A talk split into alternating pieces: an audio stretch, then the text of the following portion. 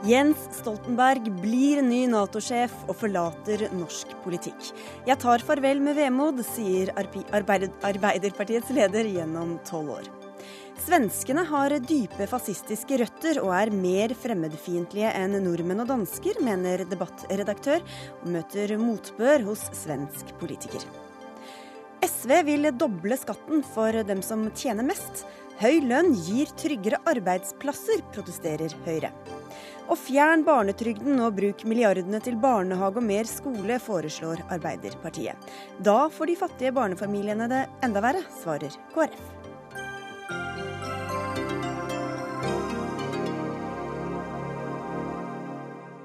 Dette er ukas siste Dagsnytt 18 på NRK P2 og NRK2, hvor vi også får besøk av Kristin Halvorsen, som har fått ny jobb i dag.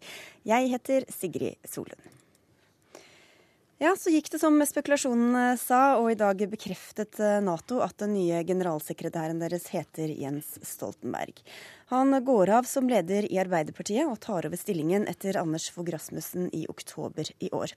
Og politisk kommentator i NRK Magnus Takvam, hva var det som skjedde i Brussel tidligere i dag? Da ble det en bekreftelse blant alle Natos 28 medlemsland eh, gjennom deres ambassadører i, i, i Brussel om at eh, Stoltenberg hadde enstemmig støtte eh, som, som eh, generalsekretær i Nato når Fogh Rasmussen da eh, trekker seg. For det er jo enstemmighet som, som, kreves, og da kom beslutningen i dag. Og det tror jeg veldig mange var glad for, at de ikke trakk ytterligere ut i tid. Ja, for Da spekulasjonene dukket opp for en uke eller to siden, så het det at dette kanskje ikke ble klart før etter sommeren. Hvorfor mm. er det gått så raskt? Det er i hvert fall slik at uh, en del av de store landene, kanskje særlig USA, så vidt jeg forstår, var opptatt av å få en rask beslutning for at ikke uh, denne stillingen skulle bli en del av en større hestehandel der de nye postene i EU uh, ble en del av potten. De skal da besettes senere i vår, og på en måte en viss frykt for at man endte opp med den som tapte kampen om toppjobben i EU, så, så kunne man risikere å få en en, en generalsekretær som, som, ikke var den beste. Så det er én grunn, tror jeg, til at man pushet på for å få en rask beslutt så raskt som mulig. Nå skal han altså gå fra norsk politikk til eh, litt større saker. Eh, seniorrådgiver for sikkerhet og forsvar ved Norsk utenrikspolitisk institutt, Karsten Friis. Hva blir de viktigste oppgavene hans når han eh, tiltrer? Ja, foruten å håndtere kriser som kan komme når som helst, uavhengig når man planlegger, så vil jeg si det er tre ting. Det ene er relasjonen til Russland den må jo, når han overtar i oktober, regner vi med at ting har roet seg litt. Og han må jo da jobbe for å forbedre og normalisere forholdet. Det andre er, eh, er Afghanistan. Eh, vi skal eh, hjem derfra. Vi skal kanskje fortsette, det vet vi ikke ennå. En eller annen form, men det må i hvert fall håndteres. Og så er det det siste er relasjonene, balansen mellom Europa og USA. USA bærer storparten av byrden i Nato, og de har sagt flere ganger at Europa må gjøre mer. Så det handler om å få Europa til å koordinere sine forsvarsbudsjetter og innsatsstyrker på en bedre måte.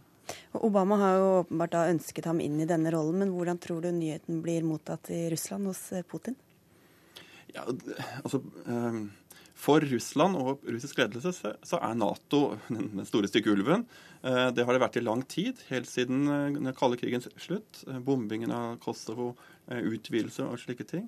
Og i retorikken rundt Ukraina har også Nato vært liksom sett på som den, den, den negativ faktor internasjonalt fra russisk ståsted. Ehm, sånn sett er ikke dette noe positivt. Men når det er sagt, eh, så, så er det at de er en, generalsekretær som de kan snakke med, som, de, eh, som, som er eh, si, rasjonell, og som man vet man kan diskutere saklig med, vil de selvfølgelig sette pris på. Men de vil ikke si det offentlig i dag, selvfølgelig. Men det er kommet gratulasjoner og tilbakemeldinger fra andre deler av verden. Magnus Takvam, hva har de gått ut på? Første runde nå så er det jo gratulasjoner. Jeg har eh, registrert noen av dem. Jeg mener Helle Thorning-Smith, statsminister i Danmark. Carl Bildt, utenriksminister i Sverige, har eh, gratulert, naturlig nok. Og det ble vel referert til en Twitter-melding fra eh, Sikorski, utenriksminister i Polen, som minnet om nettopp forholdet til eh, Russland, og at eh, de forventet han, at han gjorde en skikkelig jobb når han kommer inn i, i Nato-generalsekretærstillingen der. Så det blir eh, stilt krav fra første dag også. Men hvor viktig er den jobben? Hva slags makt er det han får? Først og fremst så skal han eh, sørge for at Nato snakker med én stemme. Det er 28 land eh, med ganske forskjellig syn på verden og hva som er trusler, og hva man eventuelt skal gjøre med disse truslene. Eh, så det er å få Nato til å, å, stå samlet. Det er den viktigste jobben. Eh, de mest, eh, Alle landene har jo fortsatt en bilateral relasjon med altså De har utenriksminister og forsvarsminister og slike ting. sånn at Det betyr ikke at han skal nødvendigvis målbære alt som alle NATO-land mener. Man skal finne et, en felles plattform. Det er ytre. Og så er det selvfølgelig mange indre ting, altså hvordan man skal eh, reorganisere og forbedre Natos som organisasjon. Stor jobb. Og Han har jo ikke jobbet så mye med sikkerhetspolitikk, det har jo vært eh, trukket fram tidligere. Magnus Takvam. Går det an å si noe om eh, hva slags eh, politikk han kommer til å føre eller ha med seg inn dit? Altså, han må jo føre den politikken som dere er inne på, som eh, Nato-landene i sum eh, vil, vil eh, kreve at han gjør. Så det er denne balansegangen som en del har nevnt mellom å være general og sekretær. Altså både evne å ta initiativ og få Eh, land med seg på ting, og også det å ikke gå for langt i å overkjøre de nasjonale regjeringene. Mm. Så det er den typen politisk eh, balansekunst han må greie å gjennomføre. Og så er det mange da i Norge selvfølgelig som har vært opptatt av at nå kommer det en nordmann eh, som vi kjenner inn i den eh, rollen, og hva kan det få å si for Norge, om det får noe å si i det hele tatt, Karsten Friis, hva tror du? Litt typisk norsk debatt. Da. Små land er opptatt av, av liksom at det er stort for oss, og det er symbolsk viktig. Og Vi var jo selvfølgelig litt overrasket over at et nok et lite Nato-land skulle få den, den jobben. Og, og, det er jo noen som har påpekt at det er litt nettopp fordi vi er små at vi får sånne stillinger, fordi vi ikke representerer noen, noen trussel. Um, hva det betyr for Norge? Eh, selvsagt vil jo norske interesser være da, på en måte ivaretatt. Det vil iallfall være kjennskap til dem på høyt nivå i Nato. Eh, det er jo ganske åpenbart. Eh, men han skal jo ikke representere Norge på noe vis, så han må, han må balansere. Og så er det selvfølgelig, som også andre har påpekt, en fare for at hvis han må fremstå veldig sterk, f.eks. vis-à-vis Russland, at eh, det på en eller annen måte kan få et negativ vil føles ubehagelig for Norge, som kanskje vil ha en litt rolig, mer forsiktig tone i en eller annen setting. Mm. Det kan vi se for oss, eh, selv om det ikke er noe konkret som peker på at det vil skje akkurat nå. Og så er det jo det han forlater, da. Han sa til sentralstyret i Arbeiderpartiet for noen få timer siden at han går av eh, som leder. Er det lagt noen plan nå videre for partiet når en ny ledelse kan være på plass? Ja, Det er ikke lagt en detaljert plan. Eh, og det var et, eh, en varslet avgang han, han, kom med. Han eh, valgte jo da, eller sentralstyret ba han tydeligvis om å faktisk fungere og sitte som leder til et nytt landsmøte velger en annen. Eh, det var det kanskje en del som var overrasket over, at han ikke med en gang overlot leder, lederklubba til en nestleder som kunne fungere i mellomtiden. Men det vil skje en prosess i løpet av denne helgen. Det er allerede til mandag innkalt sentralstyremøte med så vidt jeg forstår, telefonmøte etterpå i landsstyret for å klubbe liksom, den videre prosessen om et eventuelt ekstraordinært landsmøte, trolig da i løpet av, våren og før sommeren. Eh, så hvordan, liksom, hvor stor rokade og liksom, sånne ting som kommer til å skje, vil det være en, tror jeg, en intern dragkamp om i, i, i, disse timer i helgen. Eh, vi skal tilbake til deg, Magnus Takvam, fordi det er Jonas Gahr Støre som er pekt ut som eh, ny leder. Og nå har vi ham med oss på telefonen. Jonas Gahr Støre, hvordan føles det at din nære kollega og venn nå forsvinner ut av norsk politikk? Nei, Jeg er av de som Eh, mener vi skal kunne gi uttrykk for vemod i dag. Altså, vi kan godt gratulere både Nato og Norge og uh, den alliansen som er viktig for oss. Men det er også lov å kjenne på et vemod fordi uh, Jens har formet uh, norsk politikk. Han har hatt stor betydning for mange mennesker rundt seg. Han har levert et fantastisk stykke politisk arbeid. Og det at han nå han forsvinner jo ikke. det er kort fra Brussel til Oslo, men det at vi ser mye mindre til ham, det, det kommer jeg til å savne og uttrykke vemod for det. Hvordan blir Arbeiderpartiet uten Jens Stoltenberg? Han er jo den første til å si at ingen er uerstattelige. Så Arbeiderpartiet eh, de eh, har jo da etter hvert klart seg uten store personligheter ettersom historien går. Eh, så det skal vi også klare. Men han forlater jo et parti som er i god stand. Da. Som er i stand til å både takle oppgang og nedgang og, og, og nå lage ny politikk. Så det er jeg ganske trygg på at vi skal, skal få til på en god måte. Har du lyst til å bli ny leder i Arbeiderpartiet? Jeg skal fortelle at Min holdning til det er at Arbeiderpartiet peker ikke ut ledere. de velger dem. Og de gjør det etter de prosessene som dette partiet har. Og det skal jeg forholde meg til. Og så skal jeg tenke meg veldig grundig om hvis det er slik at noen vil snakke med meg om det. Men ordet lyst er ikke det som kommer først til deg når du tenker rundt sånne politiske oppgaver. For jeg har vært tett på og sett hvor store de er, hvor mye det krever av de som tar dem. Eh, og slik at eh, De menneskene som skal vurdere det, de må tenke veldig grundig gjennom hvordan de skal ordne livene sine og bruke kreftene sine på, på viktige samfunnsspørsmål. Men det er jo en fantastisk mulighet til å få jobbe i et stort demokratisk parti, være med å påvirke politikk. Hvordan jeg skal gjøre det, det skal jeg gå noen runder med meg selv og mine nærmeste om. Mm, hva er sannsynligheten for at du sier nei, da? Nei, altså Jeg har et helt åpent holdning til det. Jeg har prøvd å ta dette i trinn. Jeg får med meg hva mediene skriver og gode tilbakemeldinger fra partifeller. Men eh, jeg er også opptatt av at i livet så må menneskene være bevisst at de har valg. Og når det er korsveier, skal vi tenke grundig gjennom valg. Og det å, eh, det å ikke gjøre det på en ordentlig måte, det er ikke ansvarlig overfor de du eh, stiller opp for, og ikke ansvarlig overfor deg selv heller. Så det ansvaret skal jeg ta for min egen del. Mm. Takk skal du ha, Jonas Gahr Støre, for at du var med i. Dagsnytt 18. Vi skal straks få med oss uh, Jens Stoltenberg også, men bare før vi går til ham, eh, Magnus Takvam. Er det noe som tyder på at Støre har liksom pekt seg ut og tenkt på å bli ny leder før dette nå dukket opp? Altså, jeg tror nok han har i ganske lang tid vært klar over at, at den situasjonen kunne oppstå. Så jeg tror ikke han starter tenkningen og, og liksom den indre prosessen om det her og nå. Så alt Eh, han sa nå, eh, bekrefter vel at han kommer til å være en kandidat, og som da eh, etter alle solemerker også kommer til å bli valgt. Og da har vi også med oss Jens Stoltenberg. Gratulerer med ny jobb, får vi vel begynne med å si. Ja, tusen hjertelig takk. Du har jo vært spekulert inn i flere forskjellige internasjonale jobber tidligere, og da har du sagt at du trives veldig godt i norsk politikk. Hvorfor, eller hva var det ved denne jobben som likevel lokket deg da til å si ja? at dette er en uh, usedvanlig viktig jobb i en uh, veldig viktig organisasjon. Uh, I en tid hvor betydningen av Nato er kommet på nytt veldig tydelig fram. Både det som skjer i Ukraina og på Krim, men også den veldig alvorlige situasjonen vi har i Syria, minner oss om at det er viktig å ivareta landets sikkerhet. Og ha både en sterk politisk allianse, eh, men også en sterk militær allianse. For det er bare gjennom en sterk militærallianse at vi også kan eh, ha et sterkt politisk samarbeid i Nato mellom Europa og USA og Canada. Mm. Når var det du fikk henvendelsen først, og fra hvem? Altså de første jeg vil si, sonderingene skjedde vel egentlig i eh, januar. det var eh, amerikanerne som eh, tok kontakt med, eh, med, meg og den norske regjeringen. Eh, og det gjorde de i samarbeid med Tyskland.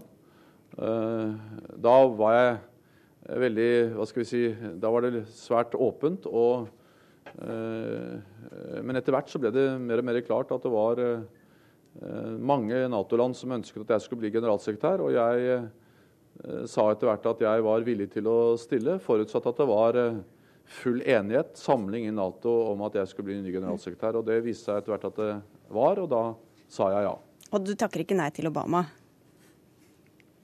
Det er så mye skurring her nå at jeg hører ikke Ja, jeg sa, det, er, det er ikke så lett å takke nei til Obama når han ber deg om å ta jobben, kanskje? Nei, det er klart at det, det har vært også et viktig moment. At det skal mye til for å uh, si nei når uh, våre fremste allierte ber meg om å påta meg det oppdraget. Uh, jeg trives godt i Norge, jeg trives godt i norsk politikk, men jeg har vært i Arbeiderpartiets sentralstyre ledelse i snart 30 år. Siden 1985 har jeg sittet i sentralstyret. Jeg har vært statsminister i nesten ti år. Eh, og det er en tid for alt. Og jeg opplevde at eh, dette var et oppdrag som jeg ikke kunne si nei til, og som er et viktig oppdrag i en kritisk tid for Europas sikkerhet. Det er jo ikke dette du har jobba mest med. Er du nervøs når du går inn i den nye jobben? Altså Jeg er alltid litt spent, men det gjelder uansett, og det bør man være. Men jeg har eh, nok jobbet noe mer med forsvars- og sikkerhetspolitikk enn det Det vi har fått med oss? Ja, jeg, ja altså Det er ikke mulig å være statsminister og politiker og regjeringsmedlem i Norge uten å jobbe, jobbe med forsvars- og sikkerhetspolitikk. Da jeg var statsminister første gang, så satte vi i gang en stor omstilling av det norske forsvaret, som har pågått nå i over ti år. Eh, med omstruktureringer, nedlegging av baser, eh, store investeringsprogrammer i, i i, i eh, ny marine, nye fregatter, nye kampfly. Og Den omstillingen har blitt lagt merke til ute i Europa, fordi vi har nok vært sterkere og mer gjennomføringsdyktige når det gjelder omstilling i Forsvaret i mange andre land. Det har, vi si, gjort, det har vært en prosess jeg har vært veldig tett innpå. Og så har vi også i min tid som statsminister økt forsvarsbudsjettene, og vi har deltatt i store operasjoner i Nato-regi i Afghanistan, i Libya. Eh, og det, det, gjør at det er ikke mulig å være tett på disse tingene. Eh, nei, man må være tett på disse tingene hvis man er norsk eh, statsminister. Og, og, og det er vel en av grunnene til at jeg er blitt valgt. Du var innom Ukraina og Russland i stad. Hva mener du at Nato bør gjøre med den spente situasjonen? Jeg mener at Nato gjør Eh, det som er riktig å gjøre. Nemlig de gir et veldig klart eh, svar eh, ved å ta, fordømme på det sterkeste at eh, Russland bruker militær makt for å endre landegrenser. Det er første gang siden annen verdenskrig at ett land annekterer et annet lands territorium. Eh, og det er et veldig alvorlig brudd på folkeretten. Det er viktig at verdenssamfunnet fordømmer det. Eh, og det er viktig og riktig at Nato, USA, EU iverksetter Eh, restriktive tiltak, sanksjoner, slik at Russland skal se at det har en pris. I tillegg har jo eh, Nato vært opptatt av at vi skal vise eh, at den militære sikkerheten, den kollektive forsvaret, omfatter også de landene som er nærmest Ukraina. og Derfor er det utplassert flere kampfly. Det er mer det som kalles altså luft overvåking eh, i de baltiske land, og det er et AWACS-fly som er utplassert i området. Alt dette for å vise at eh, Natos medlemsland kan føle seg trygge på at Natos sikkerhetsgaranti gjelder dem, også i en kritisk situasjon. Du er en opptatt mann, men jeg må høre med deg også, for nå går du altså av som leder for Arbeiderpartiet etter tolv år. Hvordan føles det i dag? Nei, Det føles veldig vemodig. Det er, eh, det er et parti jeg har brukt mesteparten av mitt liv på, helt siden jeg meldte meg inn i AUF som 14-åring. Eh, og jeg vil i hele mitt liv være sosialdemokrat i mitt hjerte. Tro på det, det, at vi kan lage et samfunn som er både mer mangfoldig og mer rettferdig. Eh, men nå skal jeg gå løs på andre oppgaver. Det er en tid for alt. Og det å være opptatt av fred, eh, sikkerhet, det er også viktige oppdrag som jeg ser fram til å bruke tid på. Og Du mener sikkert at det er veldig mye dere har oppnådd gjennom de eh, årene på mange områder. Men helt til slutt her, hva var det du skulle ønske du hadde fått til som du nå aldri får sjansen til? Nei, Jeg er ikke et sånt menneske som går rundt og lager lister over den type ting. Eh, og politikk er jo gjerne en sånn, hva skal vi si, en, en kontinuerlig utvikling der man hele tiden strekker seg lenger på områder vi allerede har oppnådd mye. Så jeg tror ikke du får en en sånn sak av meg der jeg gjerne skulle fått til mer. Det får være andre som gjør det, da. Ja. Takk skal du ha, Jens Stoltenberg, og gratulerer igjen. Eh, avslutningsvis her, Magnus Takvam, hva kommer til å stå igjen etter Stoltenberg som Arbeiderpartileder og statsminister og det ene med det andre? Stoltenberg vil jo være en av de, stå igjen som en av de eh, største eh, arbeiderpartipolitikerne i de siste tiårene. Og han har jo også gjennom de årene han har vært aktiv, endret seg og vist evne til å, å skal vi si, eh, forandre kurs. Han ble jo i begynnelsen sett mer som en teknokrat enn som en ideolog, men gjennom dette rød-grønne samarbeidet så tror jeg de fleste ser, han, ser at han også har den ideolog, ideologiske siden som mange forbinder med sosialdemokratiet, intakt. Takk skal dere ha, Magnus Takvam og Karsten Friis. Dagsnytt 18 alle hverdager kl 18.00 på NRK P2 og NRK2.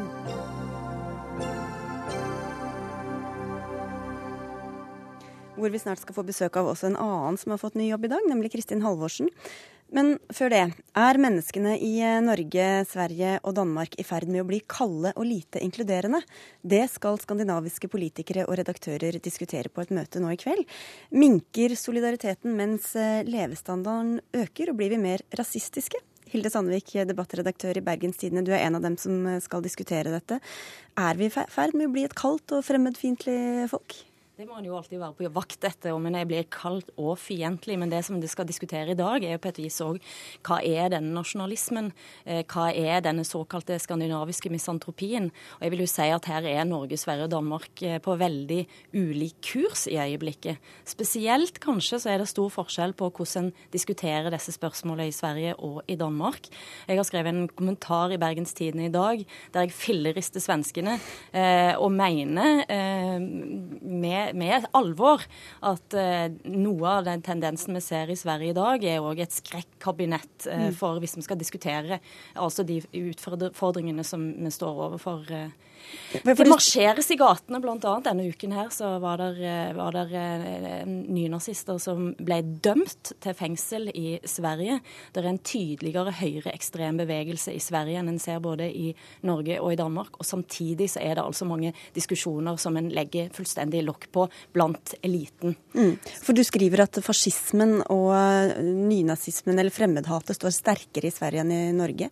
Den tydelige og synlige og marsjeringen er er, altså er tøffere og hardere og voldsommere. Og Samtidig så har en da et Sverigedemokraterna som på måte, mange måter får eie problemstillingen eh, ganske alene. Og det tror jeg òg faktisk er, er, ganske farlig i, i, et land som tar imot òg fryktelig mange eh, asylsøkere og innvandrere. Eh, og det er godt gjort, men spørsmålet er hva slags mottaksapparat en, en står med. Ali Espati, du sitter i Riksdagen for Venstrepartiet, men har bodd lenge i Norge og kjenner eh, begge landene. Hvor enig er du i beskrivelsen fra Hilde Sandvik? Nej, ikke inte alls. Därför att eh, den har ju, alltså det, det som Hilde Sandvik skriver i texten idag har ju, är ju svårt att liksom diskutera för den har väldigt lite beröringspunkter med verkligheten i, i den, både i det svenska samfundet och den svenska eh, debatten att göra. Eh, det, eh, det är klart eh, det skulle ju inte vara så. Det är ett stort problem att det finns eh, nazistiska små grupperinger i, i, Sverige. Frågan er om det hadde blivit eh, mindre av dem om det hadde vært en, om vi hadde hatt en mer fremmedfiendtlig eller eh, rasistisk diskusjon i, i det offentlige samtalen. Det finnes jo absolutt ingenting som tyder på det naturligvis. utan det er snarere så at i og med eh, Sverigedemokraternas framgångar så har også ännu mer ekstreme grupperinger flyttet fram sine, sine posisjoner. Og så beskrivningen av at det er den, på noe sett den svenska eliten som, som, som undertrykker, er jo også helt ställt på huvudet. Är det någonting som är oroväckande i Sverige är ju att också den svenska eh, politiska och kulturella eliten börjar låta mer som, som Hilde Sandvik att det är eh, riktigt att flytta gränserna för vad som är så att säga, anständig, anständig diskussion. Medan de som då tar striden mot de som, både de som marscherar på gatorna och eh, Sverigedemokraterna, det är ju vanligt folk. Det är ju tiotusentals människor i Kärrtorp som demonstrerar. Det är vanliga skolelever som tycker att man inte ska komma eh, och, och sprida rasistisk propaganda propaganda på deres skole. Så det er den situasjonen. Nei, men altså, Et eksempel på, på, hvor vanskelig det er å, de, altså, å, å gjøre en, en, ordentlig analyse av dette, er f.eks. når integrasjonsministeren for Moderaterna, Tobias Billund, eh, sa, på et, Bilstrøm, sa på et forsiktig eh, tidspunkt at eh, kanskje vi skal se på volumene eh, av innvandring. Altså, Sverige er det, det landet som, som tar imot flest per innbygger. Og det ble da en svær diskusjon, eh, fordi en, han brukte et ord som volum, fordi det antyder at en ikke ser på det som mennesker, men som biomasse. Altså, Som for å sitere Karl Ove Knausgård, som har skrevet veldig godt om, om den svenske debattklimaet og den svenske konsensusen og felk, svenske folkehemstanken, som, som er, som er ganske styrende, så sier han at i Sverige virker det farligere å uttrykke ting i ord enn, enn i virkeligheten. Så de er litt hårsåre, da, eller? En, en, jeg snakket med en svensk forsker i går som sa at vi er lettkrenkte i Sverige. Mm. Ja, og Det er interessant, og det er det som Francis Sejersted har kalt for det paternalistiske paradokset. At det landet som har gått lengst i sosial ingeniørkunst og gått lang, lang, langt inn i privatlivene eh, til mennesker rent politisk, setter grensen her for hva det er, er, mulig å snakke om. Og Hvorfor er det dumt å snakke om disse tingene? Nei, altså Det som Hild Sandvik vil eh, og efterstrever, det er jo en debatt der da Tobias Billström, altså en maktperson som, som sitter i, i Sveriges regjering, skal da kunne si eh, som han tykker uten å få kritikk. Det er, det, som, det er den debattklimatet som hun eftersträvar. Det syns jeg er litt trist. Men er, det, er, du enig i at det er blitt lagt lokk på debatten Nei, i Sverige? Nei, naturligvis ikke. Det pågår jo masse debatter. Jeg er derimot glad over at det var mange mennesker som reagerer når, eh, når eh, integrasjonsminister uttrykker seg på et sånt sett som, som nedverdiger og forminsker mennesker. Det tycker jeg er bra. Jeg tycker det burde være mer av det i Sverige, og jeg tycker det burde være betydelig mer av det i, eh, i Norge. Det er det som er diskussionen. Va? Vi har en, vi har en, en kulturelit i, i alla möjliga av de, de skandinaviska länderna som, som eftersträvar, vill ha en situation der de kan friere uttrycka seg rasistisk, främlingsfientligt, oförsiktigt om mennesker som har en svag ställning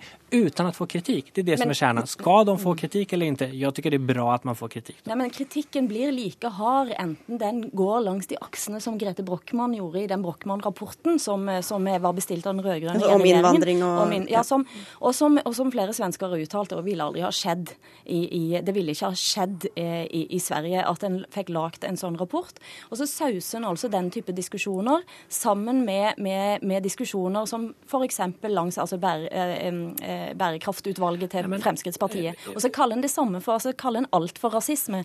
Og altså, det, det, det, er jo så at Bærekraftsutvalget til Frp eh, hänvisade ju direkt till Brockmanutvalget så det är ju inget konstigt heller utan därför att det är så att man Eh, diskuterer da viktige mm. velferdsproblem utifrån en, en, etnisk utgangspunkt i stedet for andre typer av politiske akser. Og det tycker jeg er eh, bedre at man låter bli den etniske eh, konflikten i, i å diskutere, eh, diskutere velferdsfrågor og tar tag i kjernefrågorna. Men hva skjer, med, skjer, hva skjer med nyansene da, hvis ja, alt blir stemplet som rasisme? Tvärtom, det som skjer med nyansene, det er jo at vi ikke i Norge, og enda mer i Danmark, har hatt svårt å diskutere velferdsfrågor uten å lande i at hele tiden peka ut invandringen som ett, som ett generellt problem. Och då får man en sämre välfärdsdebatt. Och det finns många krafter i Sverige också som, som dagligen arbetar för att vi ska gå i den riktningen i den svenska debatten. Men det som är lite glädjande i alla fall är att det finns ett starkare motstånd mot det i Sverige och det är jag glad för och stolt för.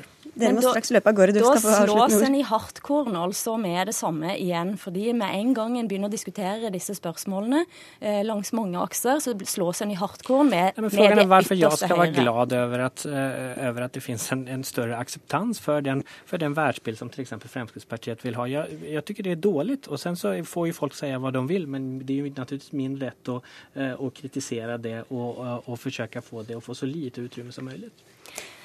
Det, ja, dere må løpe av gårde. Dere får diskutere i drosjen videre. Så nødvendigvis Takk skal dere ha for at dere kom til Dagsnytt 18.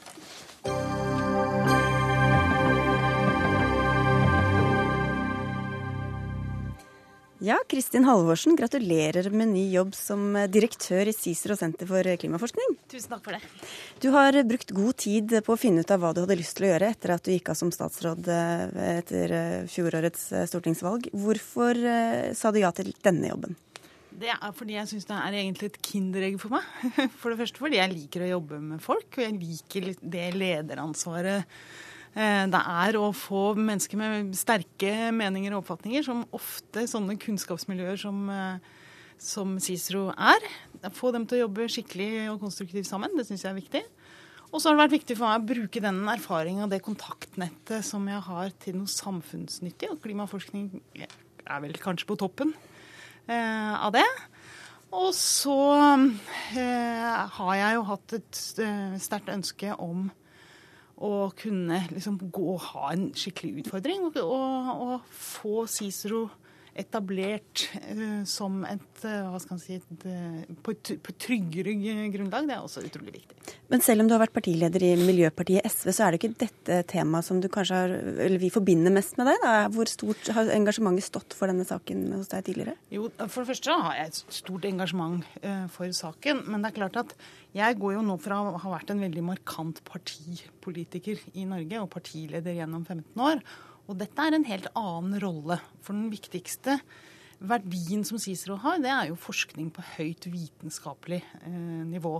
Så det er veldig viktig for meg også at er at man tar veldig godt vare på det. fordi at nå skal jo ikke Cicero være noen som hva skal si, de, deltar en, med den typen innfallsvinkel i klimadebatten. Det er veldig viktig at det som kommer fra Cicero, er fundamentert på forskning på høyt nivå. Husk på Cicero er også den institusjonen som har flest forskere som leverer til FNs klimapanel. Men du har jo likevel med deg den ballasten du har, da. Og hva ser du på farene ved at det kleber ved klimaforskningen, klimapolitikken, som allerede er noen mener er liksom allerede klebrer ved venstresida og ikke er Ja, Nå, nå så jeg at uh, Tord Lien, som altså er uh, Fremskrittspartiets olje- og energiminister, uh, gratulerte meg på Twitter i dag. og og sa at dette måtte være riktig matchen både for meg og for Cicero. Det syns jeg er et godt tegn. Så da puster du letta ut? Ja, jeg syns det er et godt tegn. For jeg tror det viser at det er en del romslighet i norsk politikk. Det er ganske sært å være klimaskeptiker i Norge og internasjonalt nå. Men det finnes jo noen igjen, og jeg har ikke tenkt å gi dem noen gratis ammunisjon. Så for meg er det viktig å, å, å, vokte vel over den høye graden av vitenskapelighet som det er i Cicros forskning, og kommunisere på en sånn måte at det er veldig tydelig. Og hvordan skal du gjøre det som ikke har noen sånn naturvitenskapelig utdannelse? Ja, For det første tror jeg det er veldig viktig at forskerne sjøl forklarer og viser hva det er de har kommet fram til, og formidler den forskningen de har. Jeg tror de er veldig viktige eh, stemmer. Og så tror jeg jeg har en del erfaring med meg som gjør at jeg kan være en god eh, diskusjonspartner for, eh, for, forskere. Og så har jeg hatt ansvar for forskningspolitikken. Men jeg har jo tidligere vært i en situasjon hvor noen har liksom møtt meg med veldig stor grad av skepsis. Det blei jeg møtt med da jeg starta som finansminister. Det er bare én ting å gjøre, og det er å gjøre en god jobb. Mm. Og gjennom praksis uh, vise seg den tilliten verdig. Men forgjengerne, forgjengerne dine har selv vært uh, forskere på, på, klimafeltet. Hvordan skal du klare å profilere, eller å, å fronte en sånn tung forskningsinstitusjon som dette tross alt er, med god nok innsikt og god nok tyngde? Jo, men Det er derfor jeg sier at jeg tror det er veldig viktig at forskerne sjøl presenterer Så du skal ikke komme i debatter f.eks. og snakke om Jeg tror i hvert fall i begynnelsen så tror jeg det er veldig viktig å og eh, tenke nøye gjennom at man skifter roller her. Jeg skifter roller fra å være kanskje blant de mest kjente partipolitikerne i Norge til å få en helt annen rolle. Og den skal vi få til å gå i hop med det som er den viktigste verdien som Cicero har. Og så syns jeg jo at vi har kommet ganske langt det siste tiåret i at klimaskeptikerne har blitt hva skal si, mer og mer marginalisert. Og de aller, aller fleste vet at eh, kloden eh, oppvarmes eh, bl.a. av menneskeskapte utslipp. Og at man på en måte har gått fra å slåss om virkelighetsforståelsen til heller å diskutere hva, hva er liksom neste skritt for handling. Og Da er det jo nettopp viktig at politikere har et godt beslutningsgrunnlag, og det vet jeg også en del om. Men er det da et mål for deg også å vekke engasjement for klima- og miljøsaker eh, i befolkningen? Jeg er jo helt bombesikker på at jo mer og bedre kunnskap vi har, jo lettere er det også å få opp eh, engasjementet. Så her, eh, det tror jeg faktisk kjører veldig bra parallelt. Før jeg takker deg, så må jeg jo innom han som vi hadde med tidligere i sendinga. Ja. Jens Stoltenberg har også fått en ny jobb i dag. Men tror du det blir et tap for norsk klimapolitikk at han forsvinner? ja. Ja.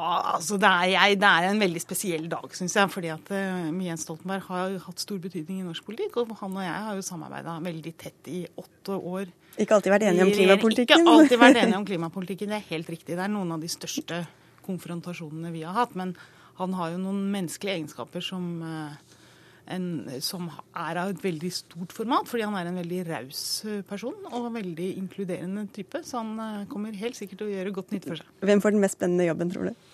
Ja, jeg, jeg, er veldig godt fornøyd med at jeg tar klima, så får han ta krigen. Gratulerer, Kristin Alvorsen. Takk for at du kom til Dagsnytt 18. Takk for det. Hør Dagsnytt 18 når du vil. Radio NRK Radio.nrk.no.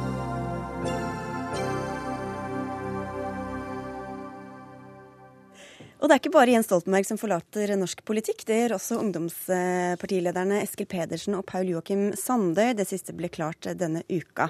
Men først til deg, Eskil Pedersen, leder i AUF, hvor du har sittet snart i fire år. Hvordan tror du det blir å ikke være det lenger? Det blir nok ganske vemodig, det. altså. Fordi jeg har jo tilbrakt halve livet i eh, AUF eh, og lært så mye der. Eh, det er jo på en måte Eh, også når jeg har jobbet mer enn en jobb, fordi at du, du, tror jo virkelig på det du driver med. Og så har jeg fått eh, veldig mange av vennene mine der. Eh, og eh, derfor så er det en stor del av min identitet. Så det blir trist å eh, gå av.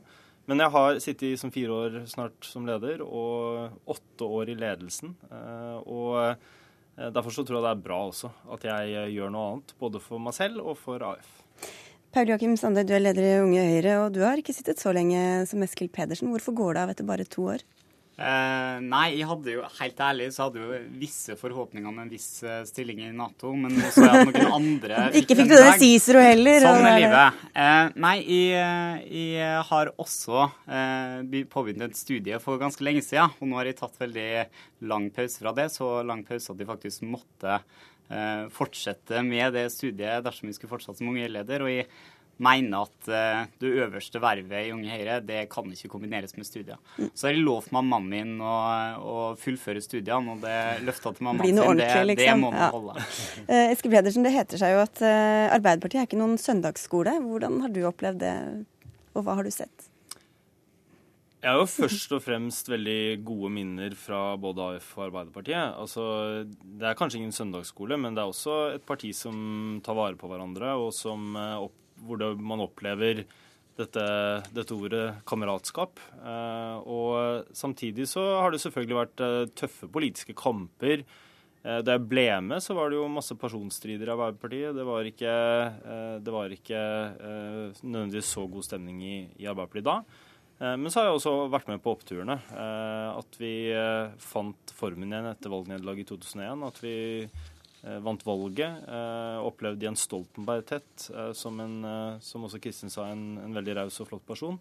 Så jeg har opplevd et Arbeiderparti og et AF hvor jeg har trivdes veldig godt. Sander, hva har overraska deg mest når du gikk inn i politikken? Det er veldig mye som er overraskende. Hvor Ta eh, Jan Tore Sanner, f.eks., som vi tror veldig mange opplever som veldig sånn eh, saklig, ha kontrollpolitiker. En av de hyggeligste og rauseste, joviale, mest joviale menneskene For den største overraskelsen. Ja, det er ett et eksempel. Eh, hvor mye eh, vei kan engasjere på et lokalpolitisk eh, møte, og hvor mye man blir engasjert Eller jeg har faktisk blitt litt engasjert i det sjøl etter hvert.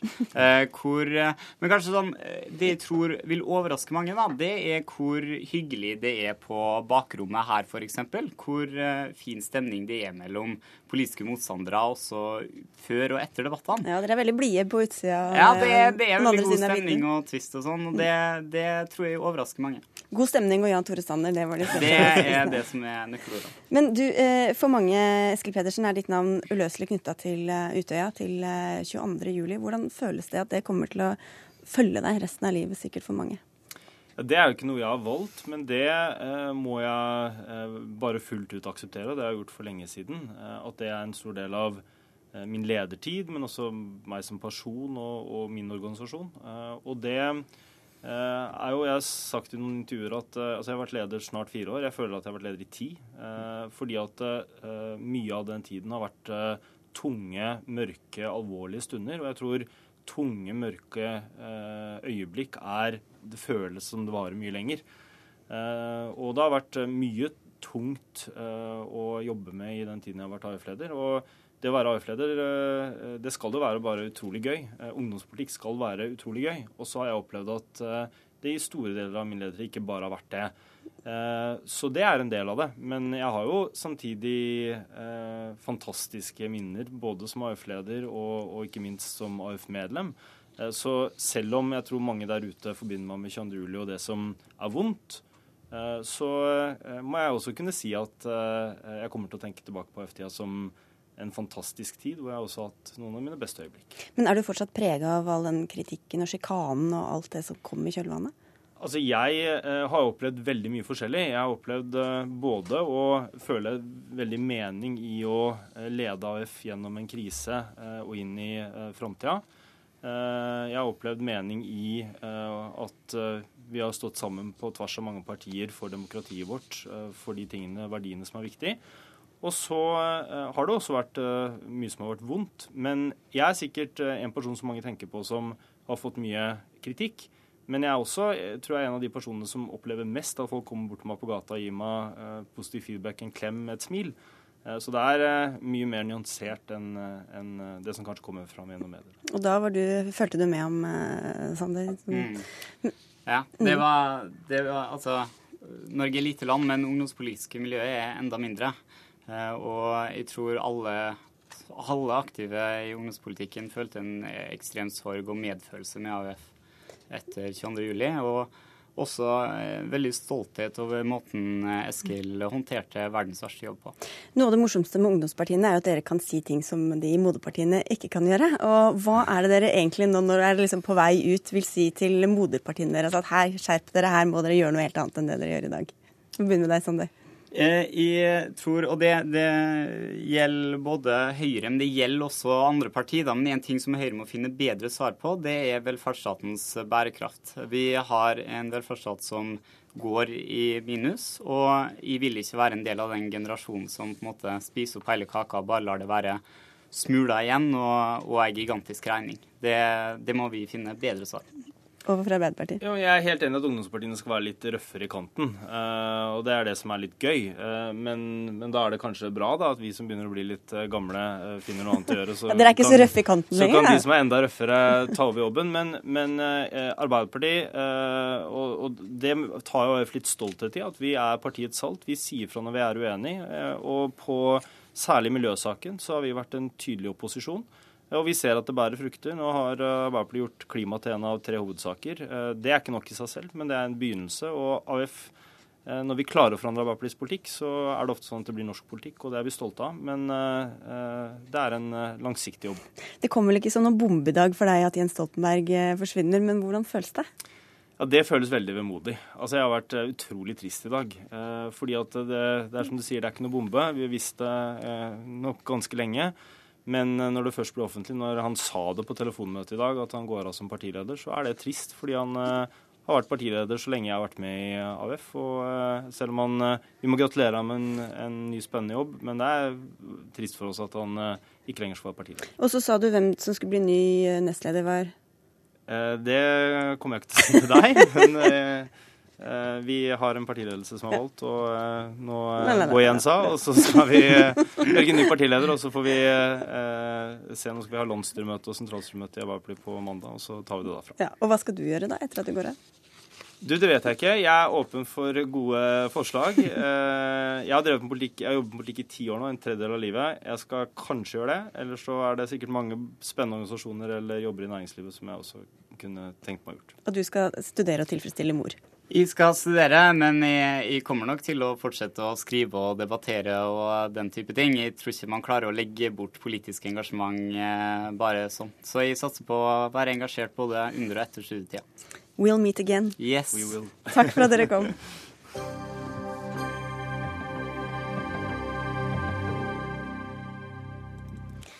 Det er mange politikere på vei ut av vinden her, men nå skal vi i hvert fall ha en uh, debatt og et uh, kontroversielt uh, forslag. SV vil doble toppskatten for dem som tjener mest. Utspillet kommer etter diverse oppslag den siste tida om ledere i statseide selskap som DNB og Statoil, som får flere millioner kroner i lønn og bonus. Og Snorre Valen, du sitter i finanskomiteen for SV på Stortinget. Hvor går grensa for hvem som bør betale mer i skatt, og hvor mye mer bør de betale? Kan jeg bare først si at jeg kommer til å savne uh, Eskil Pedersen spesielt ja, i norsk politikk. Han er allerede en av de største. Ville bare si det. Uh, skatt. Det blir stadig større eh, forskjeller i store deler av verden, men ikke i Norge. De siste åra har forskjellene gått ned i Norge. Og det er fordi vi har hatt en vilje til å sørge for at de som tjener mest, bidrar mer. Og det bør vi fortsette med. For det er en kjempeverdi å være et samfunn med små forskjeller. Da får folk større tillit til hverandre. Folk får større tillit til myndighetene.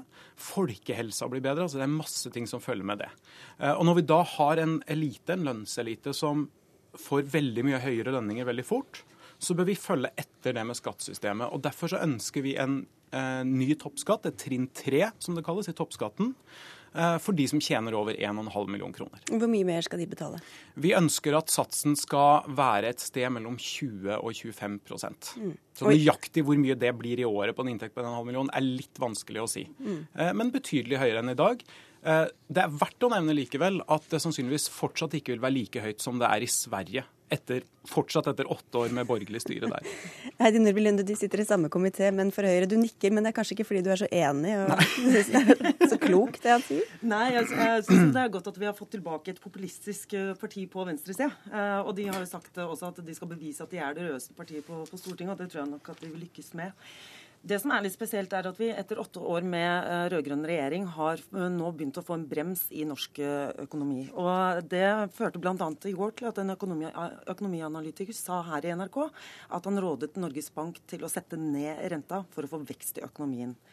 Og For å sikre norske arbeidsplasser eh, gjennom økonomisk vekst, så vil jo denne regjeringen da gi vekstfremmende skattelettelser, bl.a. ved å redusere og fjerne den særnorske formuesskatten, men også gi skatte- og avgiftsletter til folk flest. Hvorfor er inntektsskattebeskatningen vekstfremmende og skaper arbeidsplasser? da? Vel, eh, men det, Når vi skal snakke om vekst i økonomien altså Det verste med SVs forslag er jo det at den bare straffer de som, eh, som eh, da har høye lønninger. Fordi at deres, Når de øker marginalskatten, som de her foreslår, så minsker de insentiv for oss å jobbe mer. Og Det er altså verdiskapningen i Norge. Og Staten tjener mindre og mindre når marginalskatten økes. Så dette er faktisk også den minst effektive måten å øke statens inntekter på. Eh, men jeg tenkte altså, dersom en bedrift er villig til å lønne en ansatt 1,5 millioner, som er innslagspunktet eh, deres, så tenker jeg da er det kanskje en grunn til det. Og Jeg var sjøl selger i et IT-selskap for 10-15 år siden og tjente 400 000. Og jeg syntes det var urettferdig at jeg tjente såpass lite eh, når jeg sjøl hadde solgt verdier, eh, tjenester og produkter for 4 millioner. Og jeg syns det er helt ålreit at ansatte faktisk får tilbake igjen noe av den verdiskapningen de er med på å skape, og ikke at det går over til staten. Det er jeg helt enig i, og derfor ønsker vi å lønnsoppgjør der de som tjener lite, får en større andel av verdiskapninga. Men det betyr også at de som tjener mye i dag, bør få litt mindre. Jeg tror ikke noen jobber veldig mye hardere ut ifra om de tjener 1,5 eller 1,7 millioner kroner.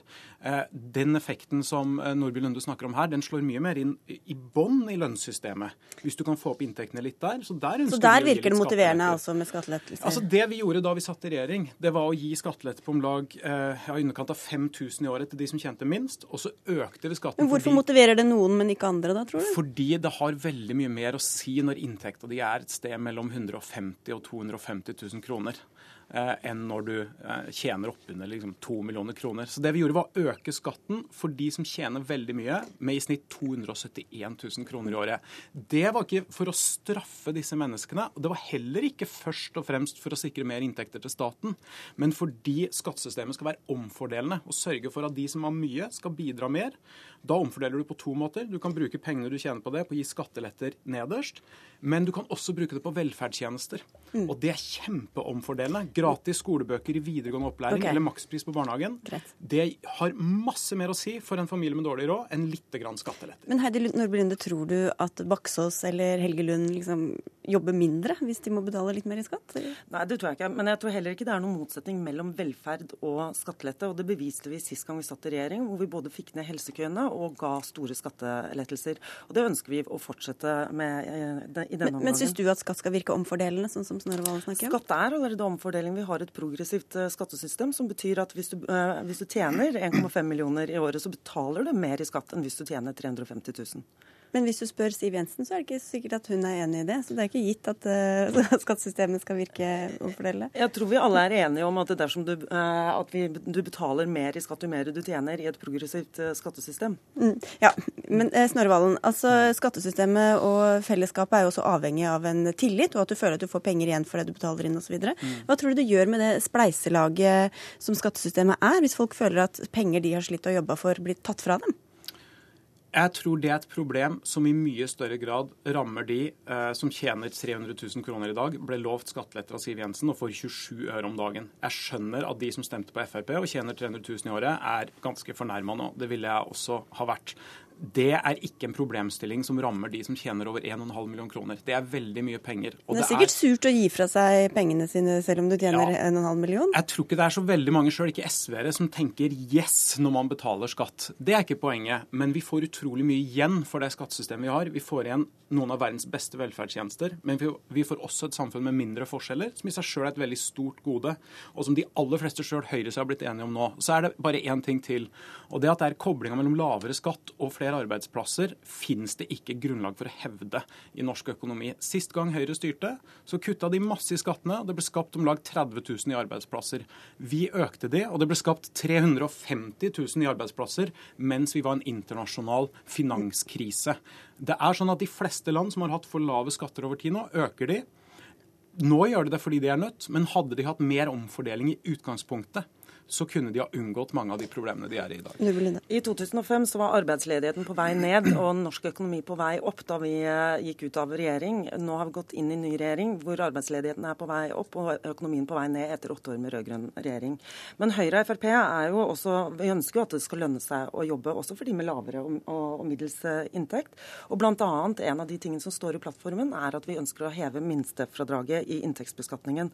Så har vi bare begynt arbeidet med skattelettelser. Hvor begynner dere? Det begynner på å gi skattelettelser til de som har mest, da? Nei, Vi begynte med å gi både til på, på inntektsbeskatningen, men også å redusere, fjerne arveavgiften og begynne å redusere på formuesskatten, som skader norske arbeidsplasser. Men vi har jo sagt at både skatter og avgifter skal ned. Og det vil si at folk flest vil merke en endring i løpet av de neste fire årene. Må være litt tålmodig, Snorre Valen. Ja, altså Det Høyre og Frp gjorde nå for i år, var jo å bruke halvparten av skattelettene de ga, 4 milliarder kroner, på den rikeste 5 i landet. Mens de som tjener mindre enn 350 000, får absolutt ingenting. Og Det er fordi det er det de velger å prioritere. Det å fjerne arveavgifta har ingenting å si for de, de, de, som tjener minst.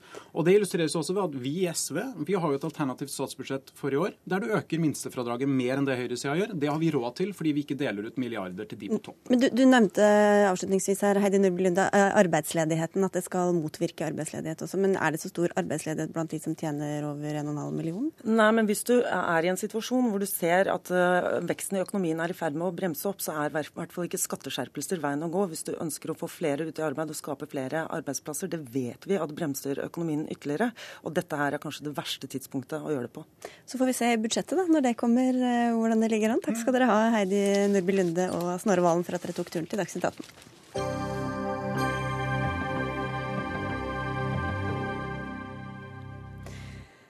Barnetrygden bør fjernes, og de 15 milliardene kronene vi sparer på det, kan gå til gratis barnehageplass og en lengre skoledag. Og Det foreslår du, Arild Grande, du er stortingsrepresentant for Arbeiderpartiet. Du kaller dette forslaget en frihetsreform. Hvorfor det? Jo, jeg syns det er spennende å tenke litt nytt i familiepolitikken. Vi eh, vet at eh, det er mange eh, småbarnsforeldre som i dag strever med å få endene til å møtes, med å få tida til å gå i hop. Eh, det å stille opp på alle fritidsaktiviteter, det å stille opp i forhold til skole og barnehage, det krever mye av småbarnsforeldrene. Og jeg mener at vi som representanter fra storsamfunnet bør hele tida lete etter hvordan vi kan legge til rette for at småbarnsfamiliene kan leve eh, gode, frie liv som eh, gjør at de kan føle at de strekker til i forhold til barnas oppvekst, og at ungene ikke minst kan få ta del i sosial utjevning gjennom å være med i barnehage og skole. Ja, hvordan hjelper det da å fjerne barnetrygden og få lengre skoledag og flere, eller alle, inn i barnehagen? Eh, alle som har forska i forhold til fattigdom, sier at eh, noe av det mest utjevnende eh, tiltaket vi har i dag, er barnehage. For der kan ungene lære seg språk, ungene kan øve seg på motoriske ferdigheter. De kan sosialisere sammen med andre barn. Kort sagt trenes opp til å stå på egne bein. Men så er det for mange unger som i dag ikke får en reell mulighet til barnehageplass. Og blant dem så oppgir de aller fleste at prisen er et hinder. Og Da må vi lete etter eh, tiltak som kan gjøre at eh, alle sammen kan få ta del i den gleden det er å gå i barnehage. Mm. Jeg er veldig ensom i studio her, men vi har det med Geir Jørgen Bekkevold. Du er stortingsrepresentant for KrF og medlem av eh, kultur- og familiekomiteen og er med oss fra studio i Telemark. Hva syns du om denne frihetsreformen fra Grande? Altså, jeg tror at uh, veldig mange foreldre er helt enig i den beskrivelsen til uh, Arild Grande. Uh, jeg tror veldig mange kjenner seg igjen i en veldig travel hverdag. det er vanskelig for endene til å møtes, både tidsmessig og økonomisk. men jeg tror ikke at dette er riktig medisinering. og kutte ut, kutte ut barnetrygden for å gi, gi alle en gratis barnehageplass. Eh, jeg vil heller, jeg vil heller ikke heller kalle dette for en frihetsreform. fordi at eh, forutsetningen her er jo at alle må da velge barnehage. Men vi vet at familie er forskjellige, barn er forskjellige. og Valgfrihet, slik jeg eh, definerer det, handler ikke om den type tvang, men å kunne gi eh, foreldre en mulighet til å bestemme selv hvordan mm. hverdagen skal være. Da, og så vil jeg bare si. Eh, for at Han bruker barnehagen som, som, et veldig godt tiltak for sosial utjevning, og det er riktig. Men veldig mange rapporter viser jo også at barnetrygden er viktig skal du få til en sosial utjevning, og ikke minst i forhold til fattigdom. Fattigdomsspørsmålet. Og veldig mange rapporter sier jo at økt barnetrygd vil være et veldig treffende tiltak. Eh, så det å kutte ut barnetrygden, det tror jeg vil være å gå i helt feil retning. Men vi kan se på andre muligheter, bl.a. det å ha en differensiert eh, barnehavesats. Vi kommer tilbake til det litt, eh, Bekkevold. Men Grande, for å ta det første først. Hva slags frihet er det i å si til foreldre at du får ikke noe penger for å være hjemme med barnet ditt, altså kutte kontantstøtte, kutte barnetrygd, hvis du synes at barnet ditt ikke bør gå i barnehage? etter din vurdering? Ja, uh, I sum så er jo det jeg peker på i min uh, frihetsreform, er jo for det første en reell mulighet for alle til å gå i barnehage. For jeg tror at uh, hvis foreldrene sjøl Men alle barn er kanskje ikke som toåringer f.eks. at foreldrene mener at de bør gå i barnehage da? Nei da, men Barnehagetilbud er ett eh, av elementene jeg trekker opp. Det andre er å få til en skolehverdag som fungerer for alle barna. Og det tredje er tidskontoordninga i arbeidslivet som gjør at småbarnsforeldre kan kombinere jobb og omsorg bedre. Og det har jeg opplevd at også KrF har vært for. Ja, men hva, til dette med, med barnehager, altså hva slags frihet ligger i det at man ikke skal ha den friheten til å velge å være hjemme? Det skal man absolutt få, men uh, hvis vi ser på barnetrygden, uh, så har den ikke vært pris- og indeksjustert på mange mange år. Det betyr at uh, den har egentlig gradvis blitt fasa ut. hvis vi skulle gjøre noe med den, la oss si at vi hadde 15 milliarder kroner til å bruke, så hadde ikke det ført til annet enn at barna har fått en tusenlapp mer i måneden. Og Jeg tror det er det som skal til for å løfte barn ut av fattigdom. Fordi at Barnetrygden ble laga i en tid da det handla om å sikre mat, klær til ungene. Eh, mens vi må lete nå etter nye virkemidler. og jeg tror Fattigdom i vår tid handler mye mer om å få ta del i eh, opplevelser som andre barn tar for gitt, og ikke minst tilegne seg kunnskapen som eh, ligger i barnehage og i skole. og Da må vi legge til rette for det. Men hvorfor ikke heller da gi mer i barnetrygd til de fattige familiene og kutte den for, for dem som ikke trenger det?